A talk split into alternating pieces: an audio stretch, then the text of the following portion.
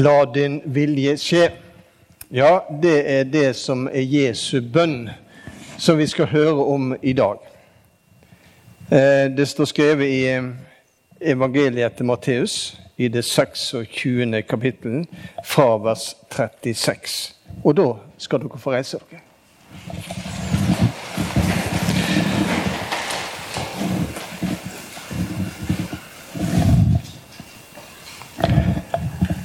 Så kom Jesus med læresveinene til en stad som heter Getsemane, og han sa til dem, Sitt her medan jeg går bort og be. Han tok med seg Peter og de to Sibedeus-sønnene, og han ble gripen av sorg og gru. Da sa han til dem, Min sjel er sorgtyngd til døden. Vær her og vak med meg. Så gikk han et lite stykke fram kasta seg ned med andletet mot jorda og ba, Far, er det råd, så lat dette begeret gå meg forbi, men ikke som jeg vil, bare som du vil. Da han kom tilbake til læresveinene, fant han dem sovende, og han sa til Peter, så makter det ikke å vake med meg ei eneste time. Vak og be, at det ikke må komme i freisting. Ånda er villig, men kjøtet er veikt.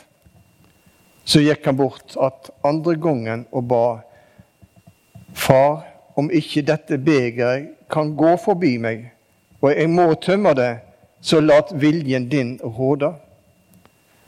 Da han kom tilbake, så han at de hadde sovna tillatt, for øynene deres var tunge av søvn. Da let han dem være og gikk bort att og ba tredje gangen med de samme orda. Så kom han tilbake til læresvennen og sa:" Søv det fremleis og hvile. Timen er kommet da menneskesonen skal gjevest over i synderhender. Slik lyder Herrens ord.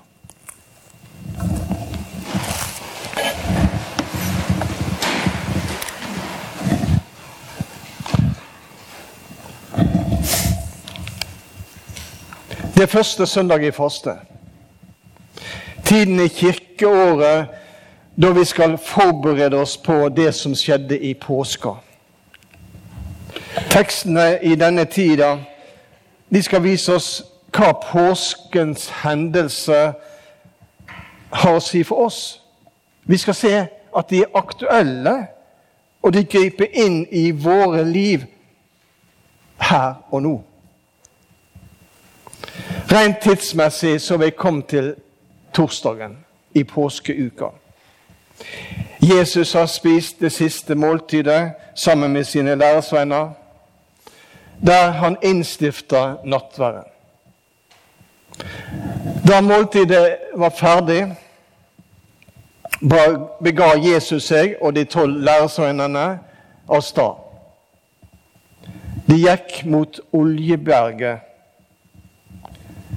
det var samme veien som Jesus hadde kommet på søndagen, da han rei på et esel og behylla folket. Oljeberget det var dekt med oliventre. Og ved foten av denne høgda, dekt med oliventre, så lå Getsemane. Og Getsemane, det betyr oljepresse. Altså der de presser olivenoljene, oljen ut av oliventreet. Dette var et kjært sted for Jesus. Han gikk det ofte med læresvennene sine om kvelden og ba. I kveldsmørket, gjerne når arbeidsdagen var slutt, de hadde pressa oljen ut av oliven, da tok Jesus plassen.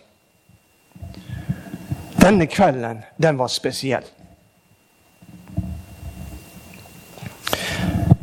Vi kan følge Jesus når han har spist måltidet, har sunget lovsangen, går østover ut av Jerusalem, ned i en smal dal, og så kommer han til bekken Kedron. Da stanser han opp. Ser sorgtyngd på lærersveinene. I natt kommer det alle, alle, til å falle fra og vende dere bort fra meg. Lærersveinene blir sjokka. Vi? Nei, om alle vender seg bort for deg, så skal ikke jeg. Det var Peter som tok ordet. Jesus svarer, sannelig, sier jeg deg, i natt, før hanen gjel, skal du fornekte meg tre ganger. Tre ganger. Om jeg så må dø med deg, skal jeg ikke fornekte deg. Og det samme sa de andre lærersvennene. De nikka og var enige. De fortsatte fra Kedronbekken inn i Getsemane. Oljepressa. Der skulle oljen presses ut. Der skulle sanninga komme fram. Hvem de var, og hvem Jesus var. Jesus gikk inn gjennom porten, stansa opp og så sa Sett dere ned. Og så går jeg bort og ber. Forresten, Peter og Sebedøs-sønnene, dere kan være med meg. Hvem var Sebedøs-sønnene? Ja, vet du det, Ingeborg? Riktig. Det var Jakob og Johannes. Andre plasser i Bibelen så blir, blir, blir de kalt for tordensønnene. Og hvorfor det? Jo, fordi at eh, de var ivrige og pågående. Altså de tre mest ivrige og pågående av Jesu læresveiner skulle være med han. Peter, som tok ordet stadig vekk, og Jakob og Johannes. De tok han med seg inn i hagen litt lenger inn, mens de andre måtte sitte ved inngangen. De skulle være vitne til hans bønnekamp og be sammen med han. Hva ba så Jesus om?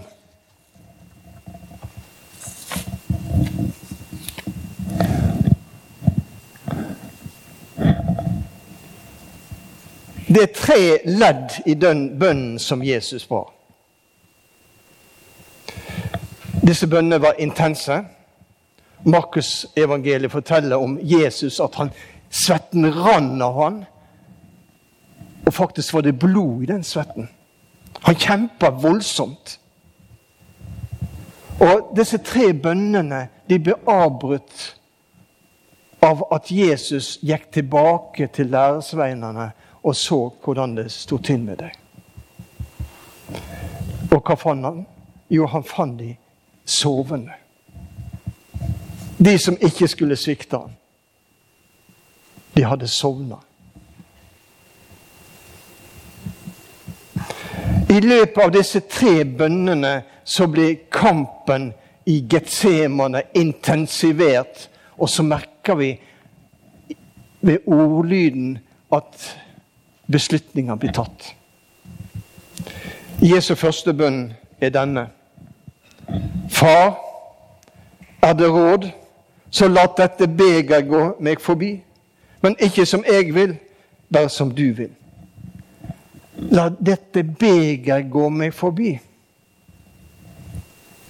Jesus var grepen av sorg og av gru over hva som skulle møte han. Jesu bønn det var egentlig en dødskamp. For nærmere døden hadde han aldri vært. Dødens smerte og alvor viste seg for ham. Og det som Jesus gjennomgikk av angst og smerte, det kan vi vel egentlig forstå litt grann ut av. Har du hatt problemer med å sove om natta? Kanskje du våkner opp med et rykk for det i venstrefoten. Eh, og så våkner jeg opp og så tenker jeg, å, har du sett at jeg skulle være så dum? At jeg skulle gjøre det? Er det andre som har opplevd det samme? Eller du ligger og gruer deg for dagen i morgen. Hva skal det bringe?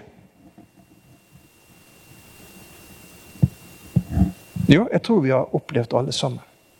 Men Jesus, han tok din angst og din angst og din angst og min angst på seg. Det var ikke bare sin egen angst, for den hadde han ikke. Han var ikke redd noe. Og han hadde ingenting å skjule. For Jesus han var syndfri. Men han, der i Getsemane så bestemte han seg for at jo, jeg må gjøre dette. For disse menneskenes skyld.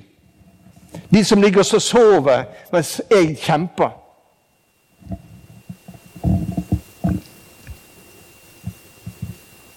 Den norske psykiateren Paul Moxnes han har skrevet en bok 'Positiv angst'. Og han sier det er noe av det mest vanlige i Norge i dag. At mennesker har angst. De fleste lider av en eller annen form for angst. For det de ikke har gjort. For det de skulle ha gjort. For det de har gjort feil. Det plager de. Denne angsten, mener han, vi kan snu til noe positivt. Det kan bli ny energi. Du kan bry deg om andre. Men forutsetninga for at det skal skje, det er at du innrømmer grunnen til din angst. Og den er egentlig redsel for døden. Er det noe som ikke skal dø her? Nei. Alle vi skal dø. Og det er det eneste vi vet om framtiden. At vi skal dø. Hvis du innrømmer det Jeg må dø en gang. Det kan skje plutselig, som det skjedde i går kveld med en på ski. Eller det kan gå lang tid. Du kan bli 100 år Hvor gammel var hun som vi så på TV i går? 116 år. Ja. Men du må dø. Men den som har tatt imot Jesus, slipper den angsten for døden. For han har gjort alt ferdig, og du får komme til himmelen. Han har tatt all din synd på seg.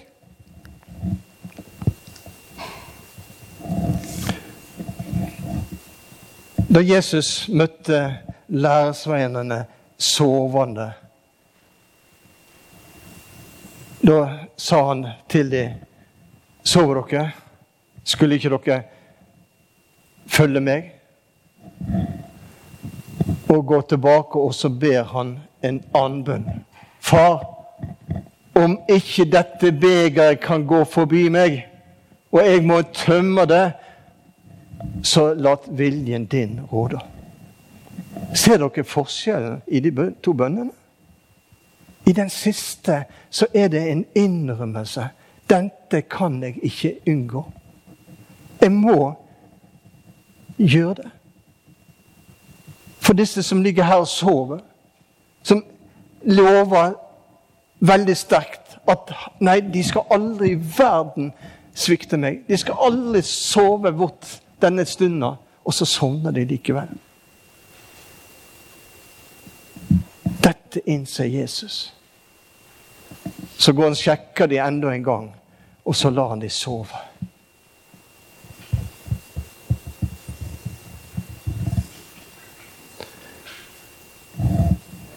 Snakker om et beger. Om dette begeret ikke kan gå meg forbi. Hva slags beger er det Jesus snakker om? Jo, i bibelsk forstand er begeret noe som må fylles og det blir fylt av alt det som livet ikke inneholder. Alle de feil, de mangler. Og Jesus han er villig å ta det begeret og drikke det. For din og min skyld. Og så skal vi få ta et beger i nattverden.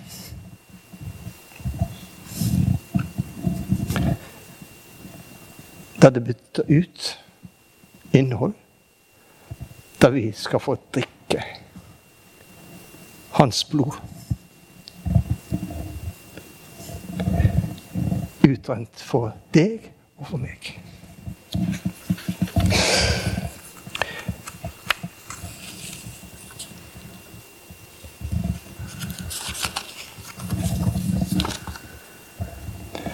Så tømmer Jesus begeret. Han bestemmer seg for det. Og så sier han noe til oss. Nå skal dere forkynne det jeg har gjort. Jeg går bort og skal stelle til en værestad åt dykk. Og inntil jeg kommer tilbake, så er det deres oppgave å forkynne det jeg har gjort. Vitne om dette begeret. Vitne om den kampen han gikk inn i. Vitne om den seieren han vant over din synd, dine nederlag, din angst. Han har det i sin hule hånd. Ære være Faderen og Sønnen og Den hellige ande, som var og er og være skal en sann Gud, få evig og til evig. Amen.